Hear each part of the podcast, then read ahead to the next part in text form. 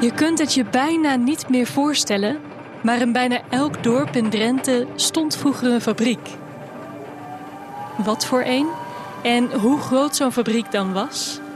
Dat hoor je in deze vijfdelige podcastserie. Reis met ons mee door de gemeente AA en Hunze in Drenthe. En ontdek wat er zich achter de fabrieksdeuren afspeelde. De Dorpsfabriek. Aflevering 5. De zuivelfabriek in Anlo. Nu denk je misschien, hoorde ik eerder ook al niet een verhaal over een zuivelfabriek? Ja, dat was in Grollo. Er waren vroeger veel zuivelfabrieken. En het leuke is dat deze fabriek in Anlo op een gegeven moment nog een coöperatie vormde met de fabriek in Grollo. Luister maar. Aflevering 5.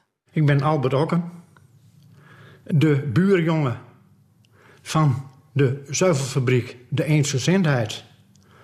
Ik uh, ben daar niet helemaal geboren, maar wel getogen. En ik heb uh, een hele stuk van mijn leven daar doorgebracht.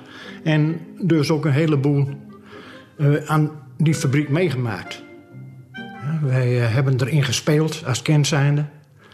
Het was echt een hele leuke tijd. Onze ouders die hadden een uh, gemengd uh, agrarisch bedrijf. Hè, dus akkerbouw, uh, melk, vee en varkens. En ja, die hadden, het was niet zo paar groot, 15 hectare.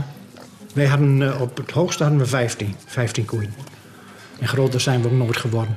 En we hadden één geluk natuurlijk. Hè. We zaten vlak bij de fabriek. Dus als wij ons eens een keer gingen verslapen...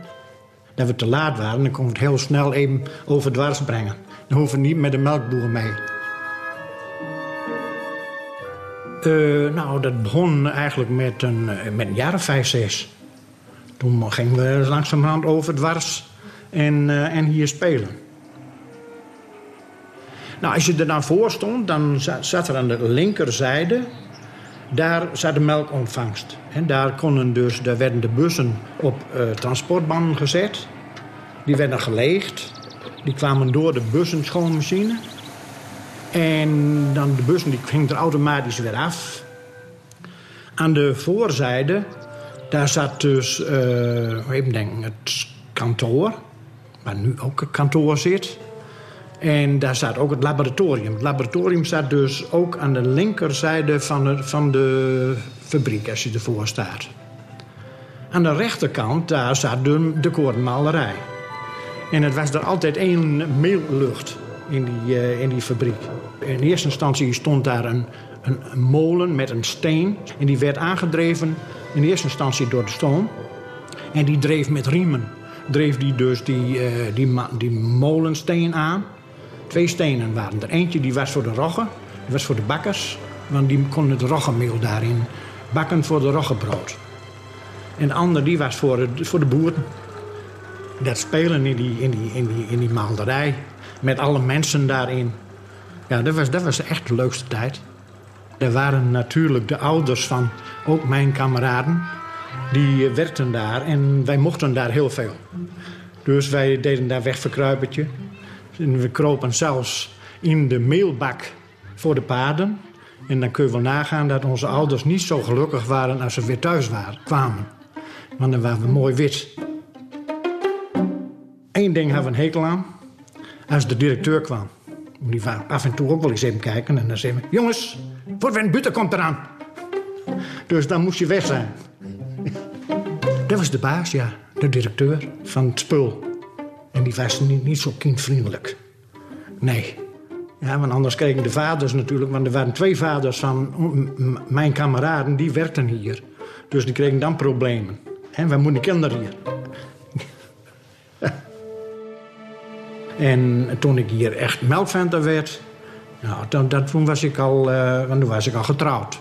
Dus uh, toen was ik al wel 23. Daar was iemand die uh, de, de melk naar de klanten bracht. Dus we gingen, ik had dus hier Amlo en Gasten. En ik begon hier altijd direct hier om half acht al, stonden bij de eerste klant. Dus dan moesten die al uit, uit bed zijn. En uh, nou, we hadden we uh, pap, soep, brei, hadden we te koop. Maar verder hebben we ook yoghurt. was er al. We hadden vla, gele en bruine vla. Koffiemelk. En ja, eigenlijk allerhande producten. En toen, we, toen gingen we eigenlijk al een beetje samen met die uh, fabrieken in Rolde en uh, Grollo. En toen hadden we ook veel, ja, toen hadden we, noem maar op, bloedworst en snoepjes en van alles en nog wat hadden we dus toen al op de wagen. Er was niet veel plek die onbezet was. als ik zo bedenk, dan denk ik dat de melk zo'n beetje 40, 40 cent, guldencenten, hè, kostte per liter yoghurt. Nou, om de bij de, de 70 cent. Zoiets. Maar ik heb alle prijzen niet meer in het hoofd zitten. Zeker niet.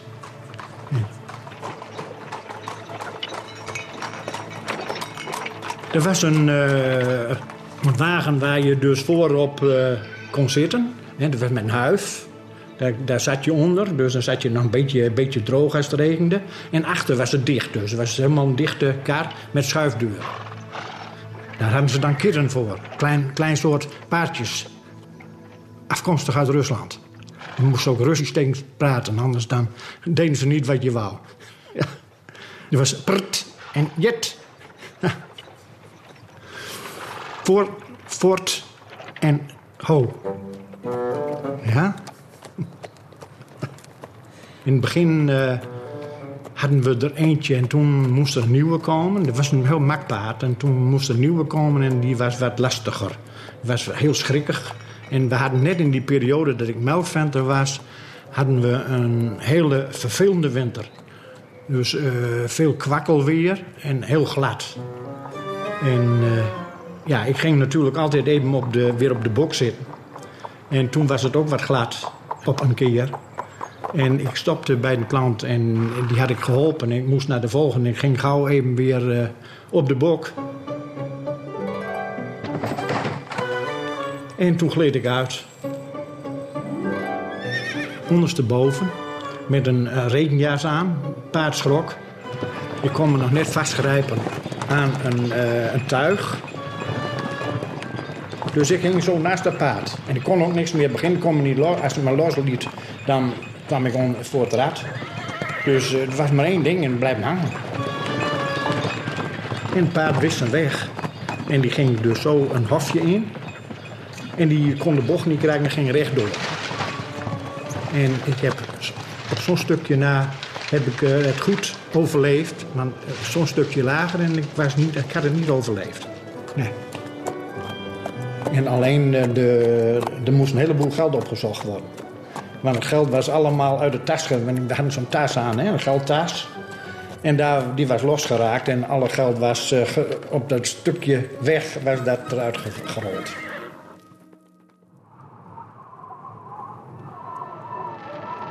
Winters was het verschrikkelijk koud.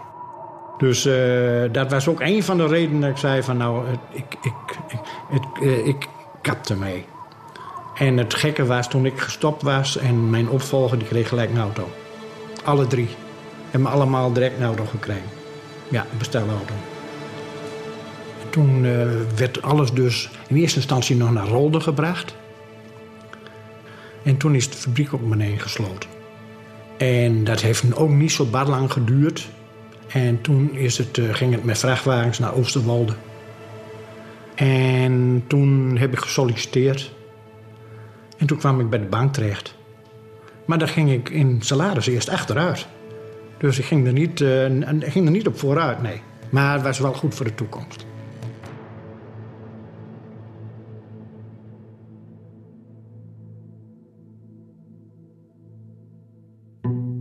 Wil je de auto- en fietsroute langs de vijf fabrieken volgen?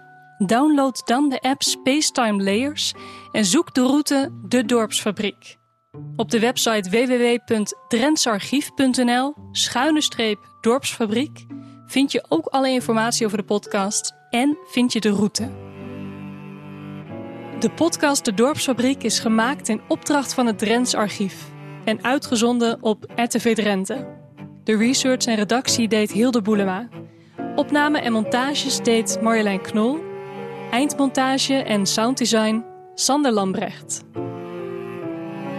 En heel veel dank aan de historische vereniging ANLO.